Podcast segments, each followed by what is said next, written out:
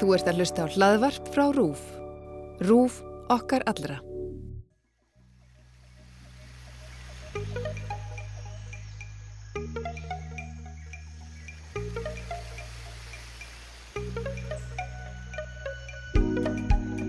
Kæri hlustandi, þá er áttundi þáttur X21 sem er kostningahlaðvarp rúf komin í loftið og það er á þessum förstu degi 3. september og það eru 22 dagar til kostninga. Ég heiti Guðmundur Pálsson. Og ég er Hólmfríður Dagni Fríðansdóttir. Það hefur eitt og annað gengið á í vikunni þegar kemur að politíkinni. Til dæmis kynntu Píratar stefnumál sín og áherslur á þriðju daginn. Yfirskrift þeirra stefnu er líðræði ekkert kæftæði og svo var nýr þjóðarpúl skallup virtur. Já og samkvæmt honum þá fengið þrýr flokkar kjördæma kjörnaþingmenn í öllum kjördæmum og það er sjálfstæðisflokkur, samfylking og vinstri græn. 11 sitjandi þingmenn sem gefa kost á sér til endur kjörsmyndu ekki ná kjöri miða við þjóðarpúlsinn þó að gert sér að fyrir jöfnunar þingsætum. Og það er því mjög mjótt á munum því þeir sem detta út núna hafa verið inni í seinustu konunum. Annars eru hlutföllin svona. Rúmlega 24% segjast myndi kjósa sjálfstæðisflokkin, rífulega 12% vinstri græn, tæblega 12 samfélkinguna, nærri 11 pírata, réttum 11 viðrist, tæp 10% framsangaflokkin, rúmlega 8% sósalistaflokkin, 7% miðflokkin og um 5% flokk fólksins og 0,7% frjálslinda líðræðsflokkin. Næstum 11% taka ekki afstöðu eða vilja ekki gefa hann upp og rífulega 7% segjast myndi myndu skila auðu eða ekki kjósa. Og þetta kemur náttúrulega betur ljós uh, núna næstu daga, þá fara að byrtast fleiri kannanir náttúrulega og það eru fleiri en galup svo sem að mæla. Þannig að það verður spennand að fylgjast með því. Og svo voru þetta leiðtoga umræðunar í beitni útsendingu í sjónvarsal hér á Rúf á þriðudagskvöld þar sem fulltrúarflokkana tíu réttumálinn í tæpa tvo klukkutíma og þar kom meðal annars fram, já, vilji ríkistjóðnaflokkana til áframhaldandi samstarf manni fannst það svona nokkuð ljóst, er það ekki? Jú, já, þau sögðust þó ganga óbundin til kostninga að sjálfsögðu, en já, þau alltaf, svona, svona litu hýru auga til hvort annars Já, en við fórum uh, vítt og breytt yfir þessar umræður í miðugundarsþættinum hér í X21 og við mælum með því að fólk hlusti á þann þátt sem, já, ber nafn með rendu og heitir Kappræður eru skemmtilegri en jólin og þar er vitnað í hana Siri Ardardóttur sem er sérfræðingur í, í framkomi í fjölmjölum. Og við erum auðvitað sammála þessu. Alveg, tökum undir þetta. Gleðileg jól, segðu bara. Á eftir ætlum við að tala við einn fórseta og einn framkvæmdastjóra, Drífa Snædal fórseti ASI og Haldur Benjamin Þorbergsson, framkvæmdastjóri samtaka atvinnulísins, farum viðan völl hér á eftir og ræða meðal annars um heilbríðiskerfið, uppbyggingu eftir kreppu og frið eða ófrið á vinnumarkaði. Já, en aftur að umræða þættinum í sjónvarpinu og þriðuturskvöldið leikmyndin í þáttunum vakti mikla aðteglu og kannski meiri eh, en ofta áður. Jú, þetta var alveg glæð nýtt sett. Það er dýbri pæling á baku þessa leikmynd en flestir átt að segja á eins og við komumst að þegar við hittum Stefán Finnbósson hér niður á smíðaverkstæði Rúf en Stefán hannaði leikmyndina. Sko, ég, ég byrjaði sett, á að fá rosa mikið upplýsingum frá frettstofu. Bara eitthvað svona pakka af alls konar stöfi. Línuritt og öllna ljósmyndir af alþengismönnum og, og frambóðum og svona. Uh, og svona út frá því þá þá svona bara já, gerist þetta. Að ég einhvern veginn fór að pæla í já, sérstaklega þessum línum og, og svona hvað það væri og hvað ég geti gert við það. En hérna, sko, þau maður skoður þetta líka hérna mm -hmm. þetta er eig og þetta er bara svona hva, hva, hver er skalinn hérna? Einna móti Þetta er svona einna móti kannski 20, myndi ég segja. Þetta er svona, þetta, þetta vekur okkur hurringatengslu Spinal Tap myndina þegar Stonehenge sígur nýra á sviðið. Akkurat. Man getur ímyndið sér sko, þetta er einmitt svona moment þar þú getur komið þetta á fund og þetta er leikmyndin. Mm -hmm. Það var alveg momentið sko, það var bara ég og Bói Ágússon og Stonehenge skalaði niður leikmyndin. Pælingin líka með línunum og það kom til þetta eftir á var smá hvort að við getum mögulega skýrt þetta, þetta bógaborðið Já. í höfuð honum. Já, þess að þetta er svona bógaðri. Já. Það er mjög skemmtilegt. Ég var að kíkja á þetta fyrir stæð. Já.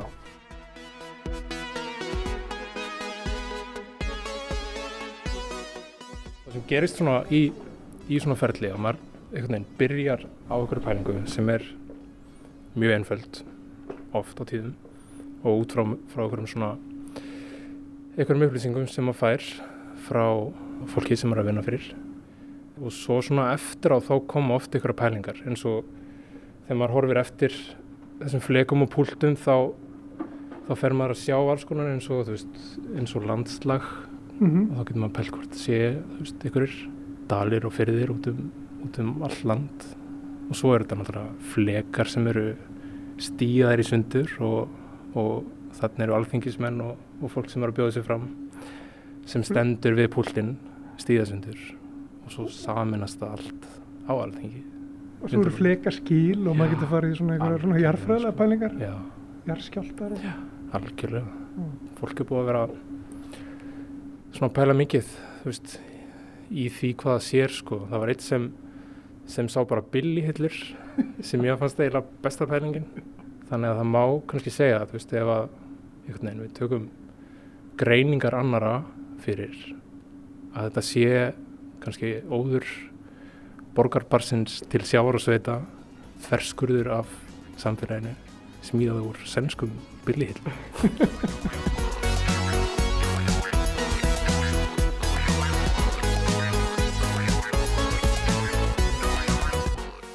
Þið smíðið þetta bara hér, Já. smíðavestæðin. Jú, á smíðaverkstæði Ríkisfótarpsins.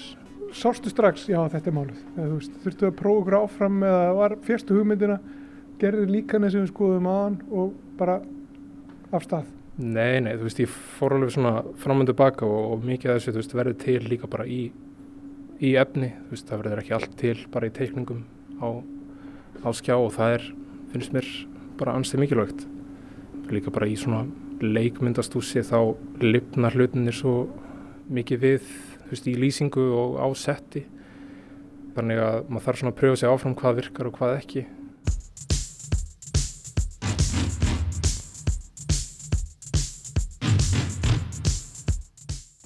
Sko, þetta er púltir sem standa við, Já. hver frambjóðandi. Mm -hmm. Það eru praktísk atrið sem er á huga hér, eða ekki? Jú, svo sannlega eins og hæðin sko þetta er algjör, þetta er gullin meðalhæð sko, Hvað er það? það er 101 Það er hundrað í. já, Og er það að Ég því bara, eða þú veist, er það er kannski pingu pótist, ég veit það ekki. En svo er hérna gat. já, svo erum við gat fyrir glasið. Eh, fólki verður oft heitt í hamsi í þessum þáttum og ræður ekki alveg við sig sem ég skil vel sko.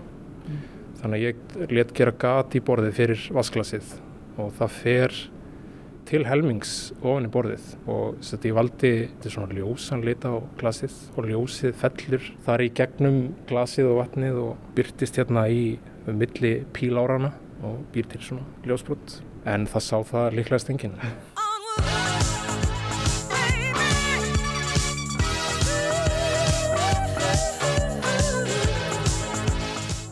Þegar þú horfir á þetta og þú sér ljósið falla hann rétt og þú sér einhvern er að ganga upp og bogarnir einhvern veginn er að sér þarna landslægið og ölduganginn og boga ágússon í þessu og allt saman. Ertu á einhverjum tímapunkt að hugsa bara ég vona að enginn velti svo koll eða ég vona að enginn bergi mig fast í borðinu?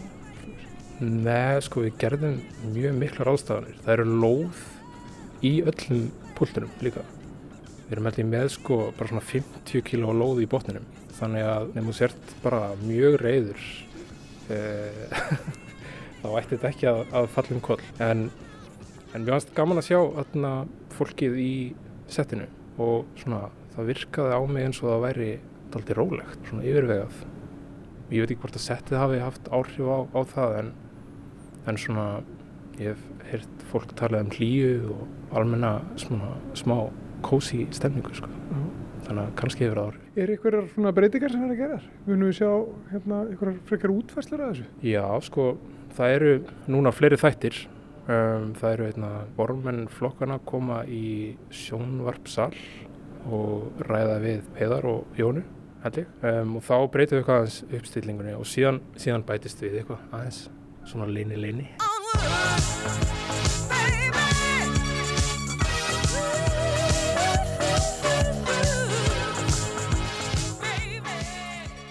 Þetta er atna, notað einn tólta úr ári ansi mikið en svo bara fyrir þetta sett í gemslu inn á milli og það pakkast, pakkast þér saman og það þarf að huga því þegar leikmynd er hannuð. Og er þetta leikmyndi sem verður á kostningavökunni líka? Er það svona Já. þessi? Já, þetta verður svona grunnurinn og svo bætist við þarna leini leini leikmyndin. Það er ekki gott að halda við svona hlutum.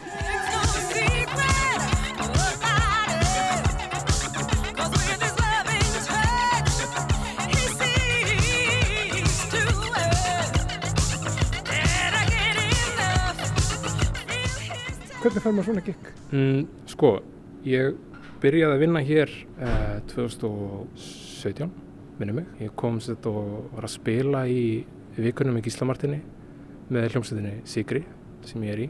Eh, og vorum að spila í einhverjum stórkoslegum jólaþætti og við gengum hér fram hjá verkstæðinu með svundu þeisaran ákvæðar og mér finnst þetta bara svo spennandi. Í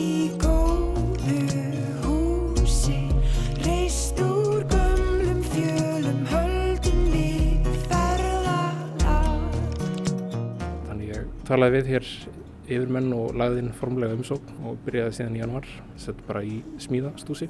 Svo bara hef ég svona ferst yfir í, í leikmynda hönnun, hönnunina. En ég var sett í listháskólanum á undan, var í hérna, vöruhönnun í, í smá tíma og var í myndlistskólanum þar áður. Þannig að þetta er svona, já, það er einhvern veginn margt sem spilar þarna saman. En uh, sko leikmynda hönnun er smá þess eðlis að það er ekkert eitt nám sem, sem einhvern veginn gildir og undirbýr mann en meira bara svona, þú veist, starfsreynsla og allskins bakgrunnur, sko. Er þetta eitthvað sem að geti verið bara lína? Þú veist, getur þú farið í búið til einhverja línu út frá þessu? Þessari hugmynd? Já, bara í samstarfi við sænska stórveldi, jável. Já, það getur verið. En já, það er kannski frekar ríkisútvarpi sem þarf að fá þessa spurningu.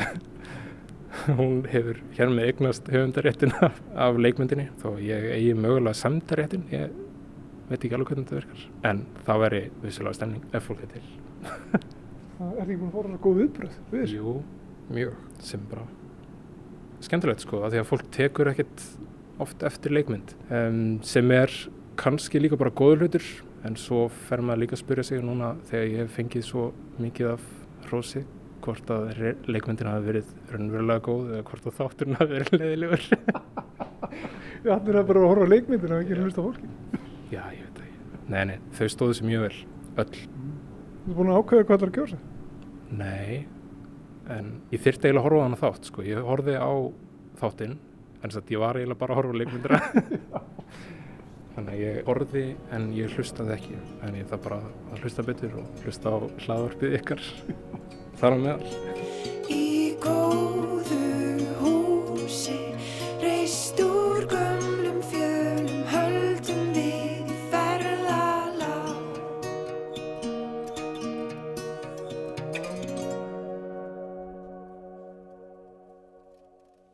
Og nú eru þau okkur Drífa Snædal sem er fórseti ASI og Haldur Benjamin Þorbergsson, framkvæmtastjóri samtaka Atunulífsins. Við erum velkomin til okkar. Já, Takk. takk.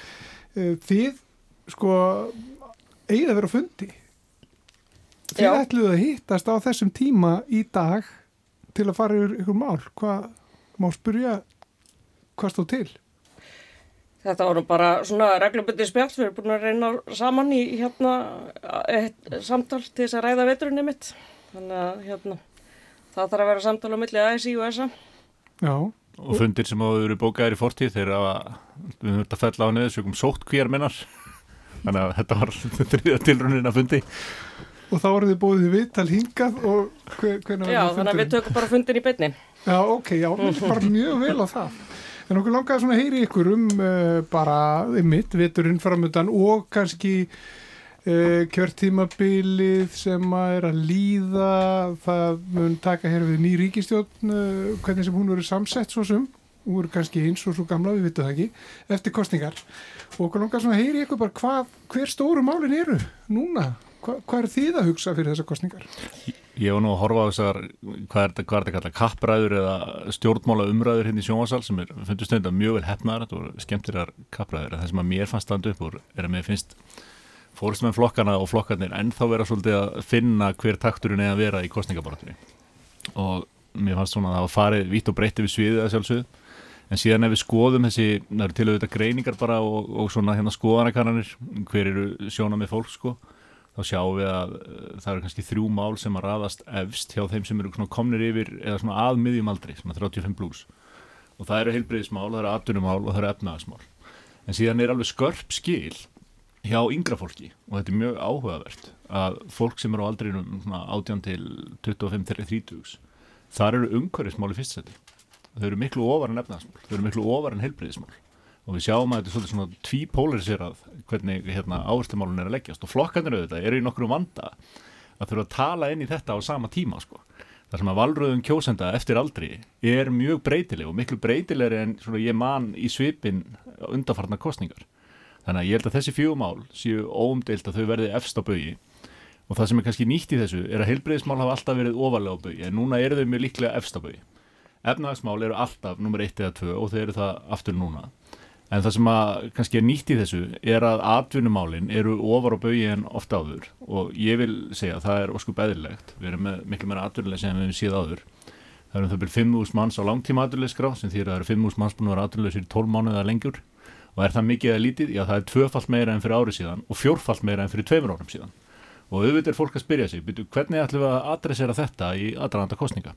Og þess vegna finnst mér bara blasa við eftir að hafa hlustað á þessar já, fyrstu kappræður hérna í sjónvarsal að eftir því sem að nær vindur kostningum þá muni umræðan polariserast í auknum mæli utan um þess að þrjá málaflokka pluss umhverfismálin en þess að flokkarnir sjá því það er ekki nóg að tala til sumra kjósenda þau þurfa að tala til allra kjósenda og ég er svolítið spenntur að sjá hvernig þau ætla að deila tíma sínum á milli þessara hérna, áherslu atriða Mm -hmm. Hvað séð þú drífa?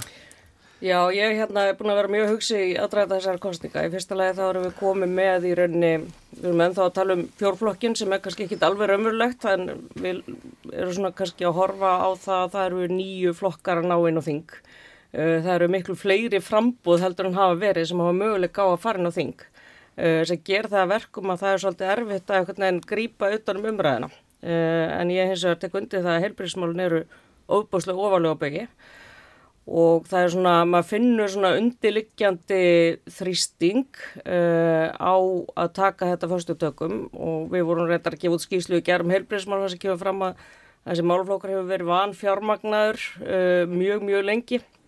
Uh, sem því það, það er svona trausti fyrir að veikjast og, og svo erum við með svona skandala eins og, og skeimanir og, og hérna um, erfitt ástand í öldrunar þjónustu og nú erum við náttúrulega að sjá sko 68 kynsluðan er að komast aldur og þetta og 68 kynsluðan hefur nú gertna gefið svolítið tónin í samfélaginu um, um hvað er ofalega að bauja, þetta er stór kynsluð og, og nú hérna Já, þú voru duglega mótmæla líka sín tíma Já, einmitt og Já. þetta er náttúrulega einhver leiti kynsluðar sem hefur svolítið mótað okkar nútíma samfélag sko, fyrsta kynsluðar sem sem var almenn mentun og, og hérna þannig að ég rekna með að þau eftir að láta mjög sér heyra bæði varðandi sko hérna lífeyriskerfið um, sveigjanleg starfslók sem, sem margar syndir falla nú undir það hugtak en láta það leggja millir hluta Það er ekkit alveg sama hvort þú ert búin að vera sko, að skúra í 50 ári eða, eða búin að vera í skrifstofuvinu, hvenar þú átt að hætta að vinna.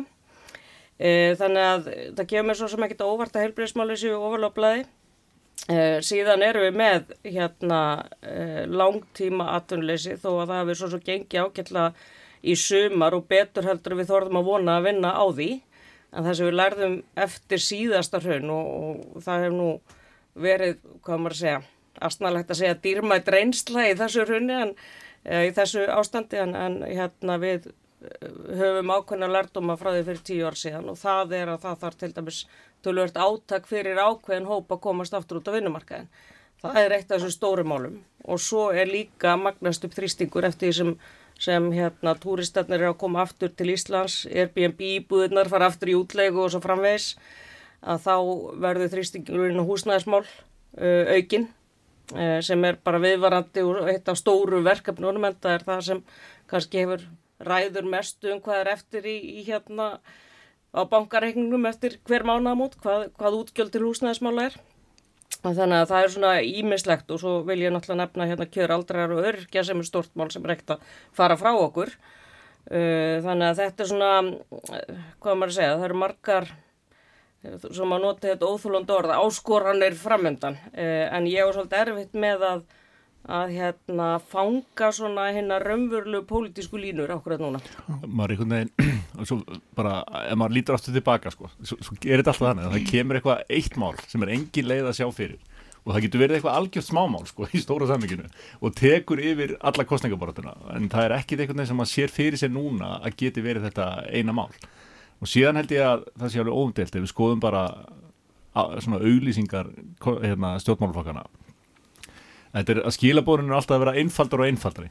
Veist, þetta, er, þetta er eitt orð og tvö orð á einhverjum plaggutum og einhverjum svona VF-bannur og svo ef maður eh, svona eh, gerir eins og ég og er oft svona í tölvunni og horfa á sjónvarpið á sama tíma eftir einhvern tíu okkurinn og fer eitthvað svona kafa inn í vefsíður þessara flokka og byrjar að lesa sko eitthvað stefnusgráður og eitthvað svona um leið úr komin lengra en bara forsíðuna og búin að klikka tvísvar þá er þetta orðið ansi tundótt sko. Og þetta er alveg stór skemmtilegt og ég hveti ykkur til þess að gera þetta. Að fara svolítið djúft inn í stefnusgrá og flokkana.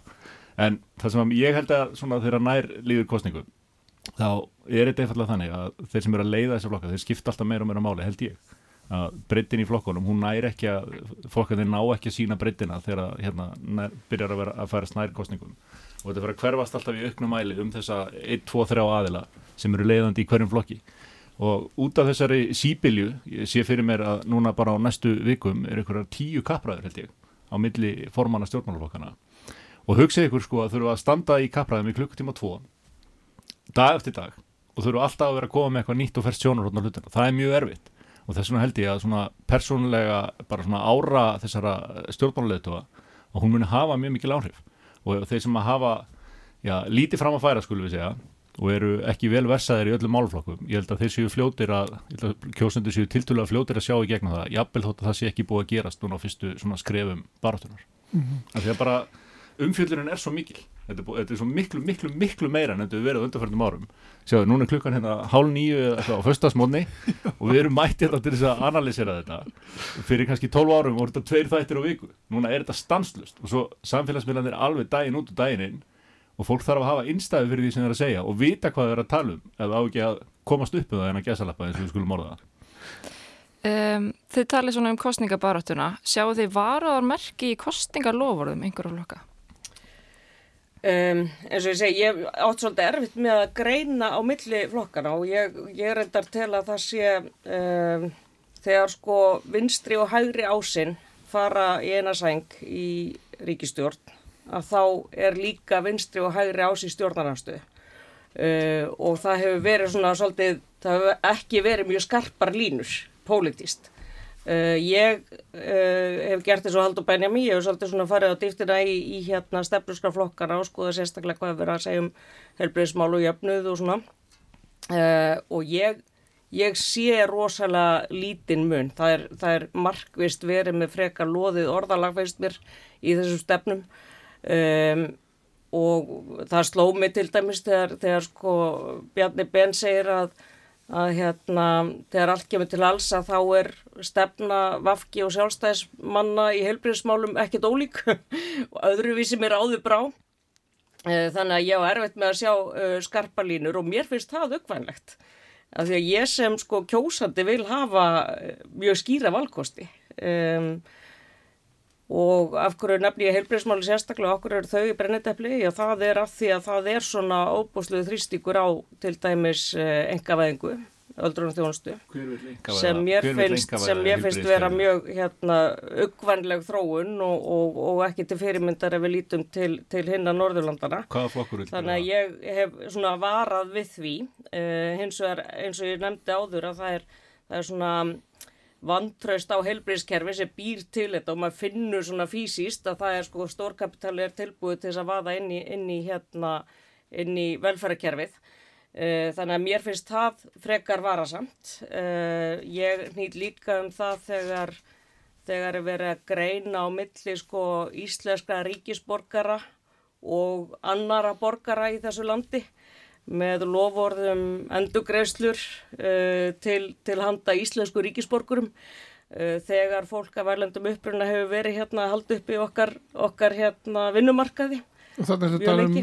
um uh, miðflokkin. miðflokkin til Já. dæmis, eh, eitthvað mál sem hefur ekki komið á dagskrá en þarna er sko, þarna er svona um, undir tónar útlendinga andúðar sem ég finnst mjög varasum uh, sem að ég tel að við höfum svona komist sæmilega í gegnum á síðustu árum ólíkt flestum öðrum löndum að það hefur ekki verið svona skýr flokkur útlendingar andúðar uh, þannig að ég er svona, já, þe- þetta svona slær mig mjög mikið, það er, eru heilbrísmálinn og síðan eru þe þessi greinamunur á milli hérna fólks sem er að leggja hönd að plói í íslensku samfélagi.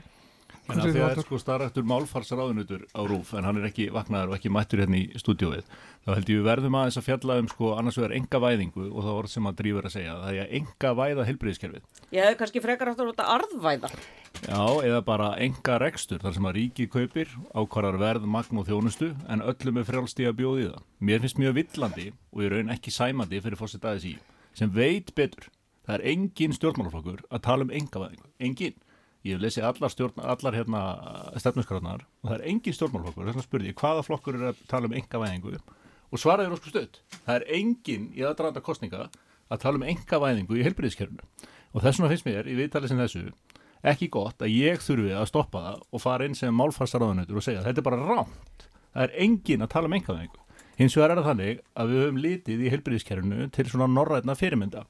Það sem að megin reglan er svo sjáði að það sé stert þjóðasjúgrós eða sterk þjóðasjúgrós í þessum stærri löndum og síðan er sterkur engarekstur við hliðin á þar sem að norrænar sjúkratryggingar eru kaupandi þjónustunar og ákvarða verð, magn og gæði og hafa eftirlit með allir þjónustunni. Og ef við horfum hérna bara á Íslandi og sjáum fjölda engareikina læknastofa sem er að styðja við þjóðasjúgrósið, þjóðasjúgrósið getur eðli mál sangkvæmt ekki verið að vasast í öllu, stóru sem smáu, það er einfallega ekki bara capacity til þess. Og ef við ræðum við stjórnundur landsbytalans, ef við ræðum við þá sem hafa verið í þessu kerfi mjög lengi, eins og Björn Sóvaka til dæmis, sem hefur nú verið aldrei þess að tjá sína skoðanir á undarförnum vikum og, og hérna misserum, þá verðist vera konsensus um það að meðal þeirra sem reka kerfið að ef við ætlum að ná utanum bygglistana, ef við ætlum að ná utanum þjónustu bara við vennilegt fólk, sískin okkar og foreldra og ömmur og afa, þá verðum við að ná fram þessari blönduðu markaðslið.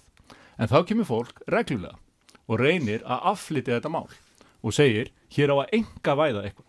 Og mér finnst það mjög slæmt, þar sem að engin flokkur eru að tala fyrir því, samtök aturlýfsins tala ekki fyrir því, ég veit ekki um neyn hagsmannasamtök sem tala fyrir enga væðingu í helbriðiskerfinu, þetta er villandi og ekki fólki sæmandi eða spyrir mig. Hvað séu drífa, er, er þetta svona merkingafræðileg spurningi? Er Já. þetta Er þetta orðabaka Aldur Benni minn er að reyna að smætti þetta niður í hérna málfarstúlkun. Bara rétt skal vera rétt. Eh, þegar talað er um fjölbreytt rekstraform í uh, helbriðskerfinu uh, að þá er það svona yfirskinn yfir ymsasindir. Uh, ég tel það mjög mikilvægt í þessu tilliti og við erum búin að vera með svo sem, það má alveg segja, við erum búin að vera um fjölbreytt rekstraform í helbriðskerfinu. Við erum búin að vera með óhagnaðadrifin félög sem reka hlut af okkar helbriðsþjónustu. Ég nefni Reykjalund, ég nefni hérna hveragerði, S.A.A. Uh, krabbavísfélagi einhver leiti og svo framvegis.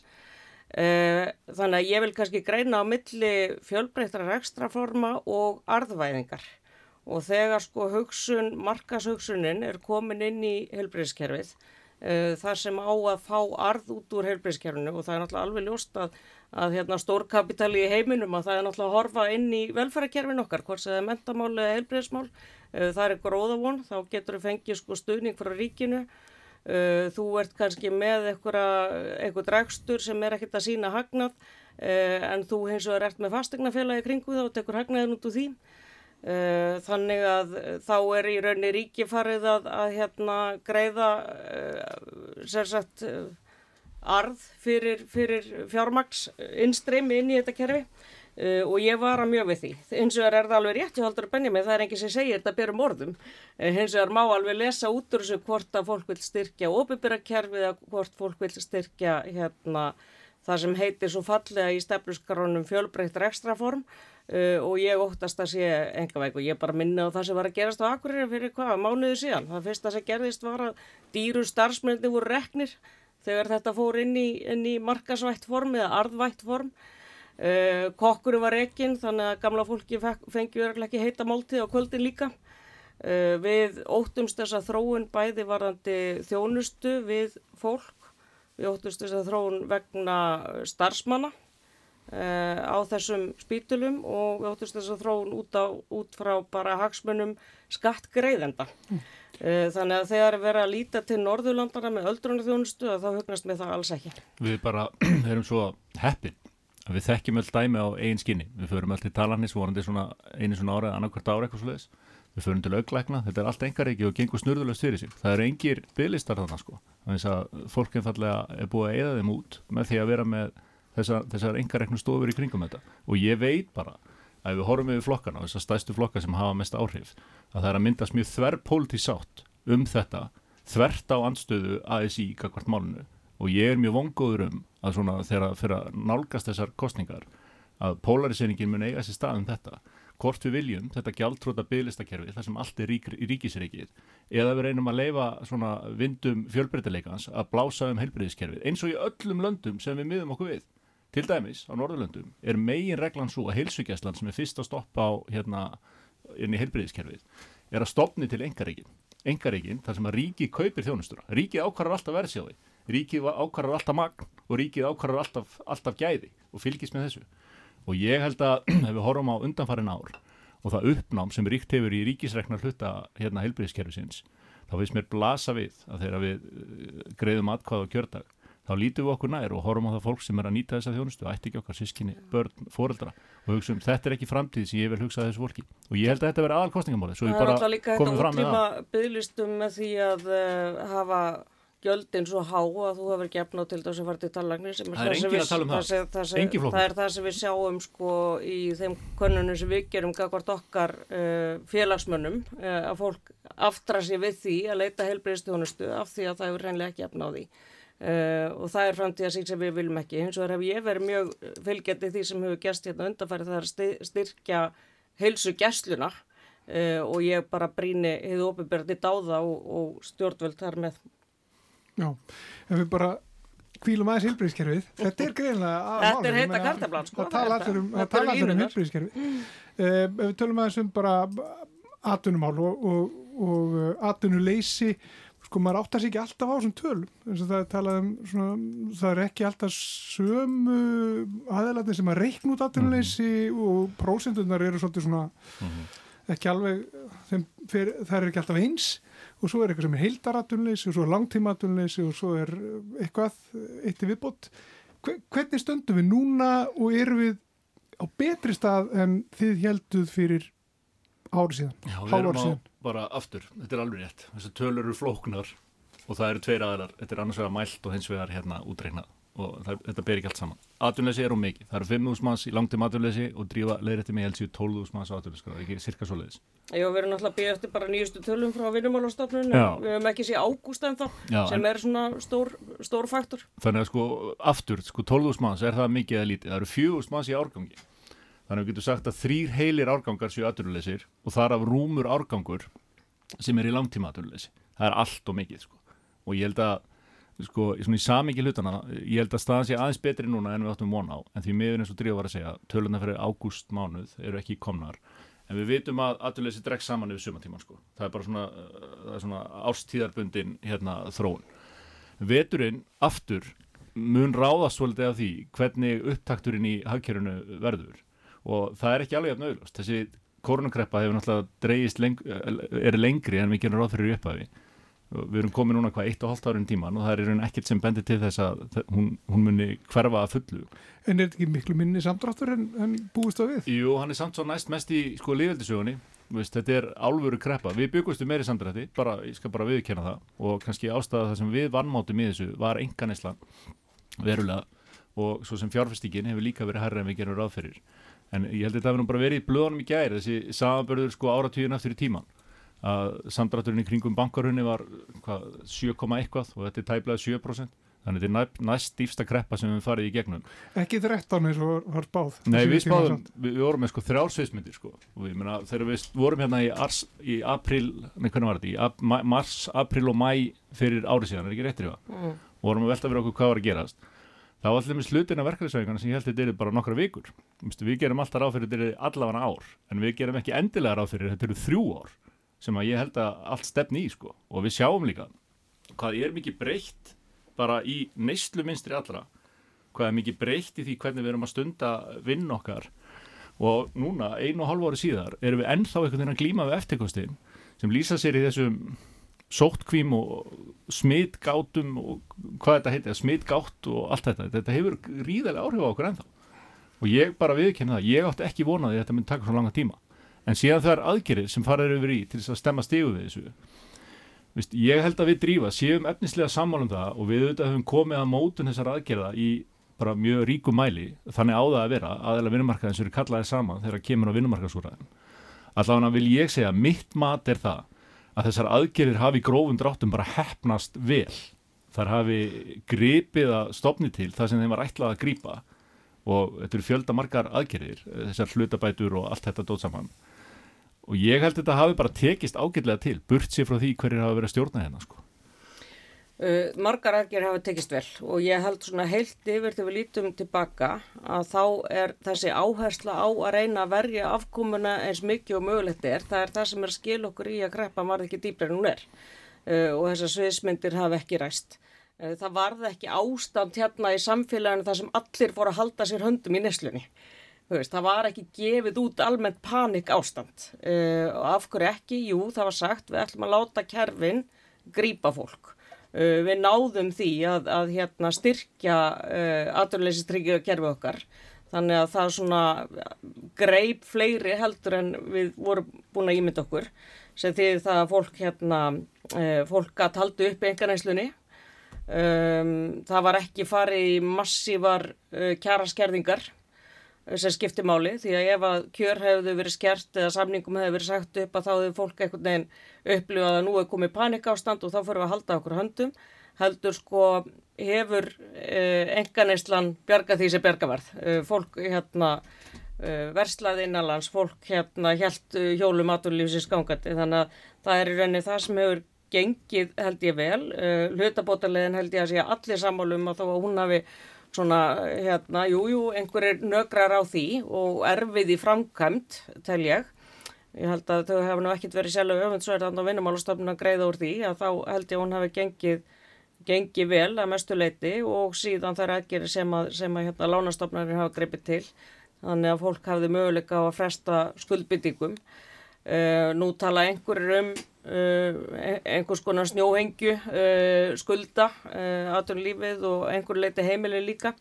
Þannig að það er, það er hérna, það þarf að leysa úr því. En heilt yfir að þá held ég að þessi mikla krafa um að venda afkomi fólks að hún hefði orðið til þess að bjarga þessi bjargaverð Líka við sko förum aðeins aftur í reysastóru myndina og veltum fyrir okkur bara kostanir sem Ríkisjóður hefur tekið á sig, þá er hann verulegur. Í gegnum svona megnaða þessum tíma, þá var kostnaður á dag um það byrj miljardur og tapað átput í hagkerfunu um það byrj miljardur á móti. Og þið sjáum bara kostnaðurum við atvinnuleysi uppsafna næstu fimm árin sem hvað Ríkisfjármála áallun er og haldið ykkur fast rétt um 200 miljardar króna og endanum hljóta kostningarnar að þau verum í kostninga þetta að fara að snúast um það, byrju hvernig ætlum við að brúa bilið til framtíðar? Og öfugt við það sem heyrist úr mörgum kimum uh, samfélagsins þá snýst þetta á endanum um verðmættasköpun ef við stöndum ekki undir verðmættasköpun þá getum við ekki verið að lækka skuldi ríkisjóðs á nýjanleik þannig að ríkisjóður sem var vel í stakk búin til að taka á sig þetta áfall er búin að vera reygin með gríðarlegum halla og verður það á næstu árum vegna þessara kórnukreppu og þess vegna saði ég, þetta er að, er að tegjast úr þessu lengra en ég gerði ráð fyrir og þetta mun marka í raun allar ákvarðanir á stjórnmálasviðinu næstu árin.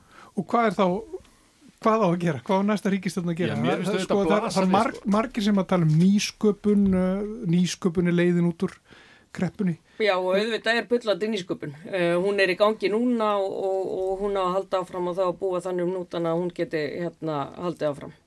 Uh, það er eins og að sagt sko að afdrifvaríkustu ákvarðarnar í kreppu er ekki fyrstu viðbrögð heldur uh, hvað gerist eftir ár eða tvö. Og það er líka það sem við lærðum frá 2007 og 2008. Uh, fyrstu viðbröðum voru já að reyna að venda afkomuna og svo framvegs og svo sko þegar fer að myndast eitthvað svona panikástand að greiða upp kreppuna að þá kemur krafan um sko niðurskurð í okkar velferðakerfum, kemur hérna aðhaldskrafan og nú er ég nú aldeilis að fara hérna að loka gatinu Uh, við höfum sagt við þurfum að hafa smá úthaldi og þólimæði í að skulda þessa kreppu. Skuldi ríkisjós er nú ekki komin að hættu mörgum, svona samkvæmt alþjóðlegum viðmiðum. Uh, þannig að við verum við því að núna sé sko tíminn það sem uh, rángar erfiðar ákvarðanir teknar um nið, niðurskurð uh, til þess að mæta þessu og það, það sjáum við að þau ríki sem fóru í uh, massífa niðurskurð, selja óbyrgberðar eignir eða eitthvað slíkt eftir síðustu kreppu að þau eru ennþá í byllandi vandræðum. Þannig að uh, við munum fylgjast mjög vel með uh, ákvarðanir sem teknar eru á sviði ríkisfjármála núna. Það verður skorið niður og það verður hagrætti ríkisregstri og strax á lóknum kostningum verða kynntirna fjárlög þar sem að verður farið, þá, farið í, í þá vegferð en þess að annað er ekki hægt sko. Þetta er bara alveg sama eins og í heimilisregstri sko. Ef að mánaðamótin gangi ekki upp þá þarf að gera breytingar og mánaðamótin gangi ekki upp og hafa ekki gert um langar hríð og það er alveg augljóst og ég vil ná bara breyðri samstöðu hérna yfir borðið við Drífi Snædal að líkillin að endurreist haggerðisins eru þetta sá að verðmæta sköpunin fari aftur á þann stað sem hún var áður en við fórum inn í krónukröppuna. Það er það sem keirir allt áfram. Ef við ætlum að vera að draga úr nýsköpun, til dæmis í heilbriðiskerfinu, með íþýgjandi já, ríkisvæðingu kerfisins, þá verðum við hægar af staðin ella. Ef við ætlum að vera að setja óþarfa byrðar á fyrirtæki landsins, til dæmis við stopnum fyrirtækja, við rekstur, við eftirlitira, þá munum við vera hægari upp úr þessari kreppu en ella. Og það sem ég er auðvitað bara mest áfram um er að við fáum hérna til dæmis liberal stjórnvöld sem skilja að við búum í blönduðu markasækerfi í Evrópu og við höfum að horfa til Norðurlanda og við höfum að horfa til annara ríkja hvernig þau eru að byggja upp rekstararinn hverju fyrirtækja sem á endanum stendur undir öllu þessu byggsi, öllu þessu byggsi sem við erum að tala um er rekstur fyrirtækja og verðmætasköpun í atvinnulífinu.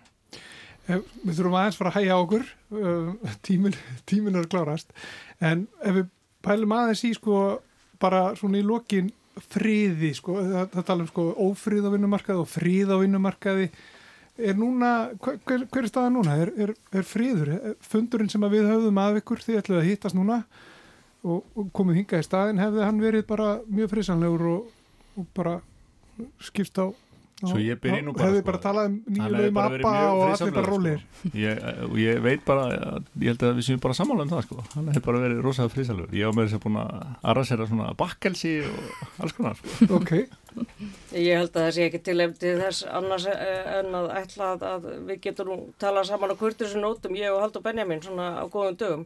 Uh, en hérna bara þá eftir að koma í ljós hvernig veturinn eh, verður það kjara samningar lausir næsta ári. Uh, núna í september er endurskoðanar ákvæði kjara samninga Uh, Það er ímislegt sem að við erum afar ósett við á vinnumarkaði og ég nefni þar uh, þau félagslega undirbúið að undirbúða vinnumarkaði sem, sem play stendur fyrir til dæmis með, með hérna, því að stopna stjættafélag samja við það sjálft uh, á, á verri nótum heldur en, heldur en áður er þannig að það er ímis og, og svona allt mun líta náttúrulega öll samskipti á vinnumarkaði. Uh, svona æfingar í, í hérna því hvernig megi draga úr launakostnaði og halda launum niðri þannig að uh, það er ímislegt sem mun hafa mjög mikil áhrif á samskipti aðila vinnumarkaðaris og það, ég nefni þetta sér dæmi Við sjáum að þau eru komin á léttar nótur í lok þáttarinn sko að drífa talar fyrir þessum ríkislausnum á öllum sviðum. Hún vil gína yfir allir samningsgerð fólks á milli í samfélaginu um launamál og ég skil það alveg út frá hennar svona heimsbyggi. Við hins vegar erum miklu frjálslindari sko. Við erum að tala fyrir svona fjölbreyttum lausnum og leifa fólkinu að spjara sig að kerfin okkar sé ekki að kæfa snildina sem býr í fólkinu og það er það sem ég held að næsta kjörtímabil muni snúast um og ég vona að þeir flokkar sem þóra að láta vaða í þá átt að þeir eh, fái góða niðurstöðu upp úr kjörgóðsuna. Já, Ég vona að hérna, afkoma fólks verði í fókus og það er það sem það er að fókus er á en það er það, það, sem, það sem heldur kerfinu hérna gangandi. takk fyrir þetta Drífa Snædal og Haldur Benjamin Þorbergsson gaman að fá okkur í heimsókn Já, takk fyrir að bjóða. Takk. og þið eru morgun hress með afbröðum. takk fyrir þetta Takk. Þá er þessum áttunda þætti kostningalhlaðvarps RÚF X21 lokið. Nýjir þættir byrtast að nær daglega á öllum hlaðvarpsveitum og í spilara RÚF. Við minnum líka á að í hverju viku er hér rætt við nýja frambjöðandur flokkana og á morgun er rauðin komin að flokki fólksins. Þá situr Ástildur Fjóla Þórsdóttir Ottviti í Suðurkjördæmi fyrir svörum en ég heiti Holmfríður Dagni Fríðansdóttir. Og ég heiti Guðmundur Pálsson. Takk fyrir að lusta.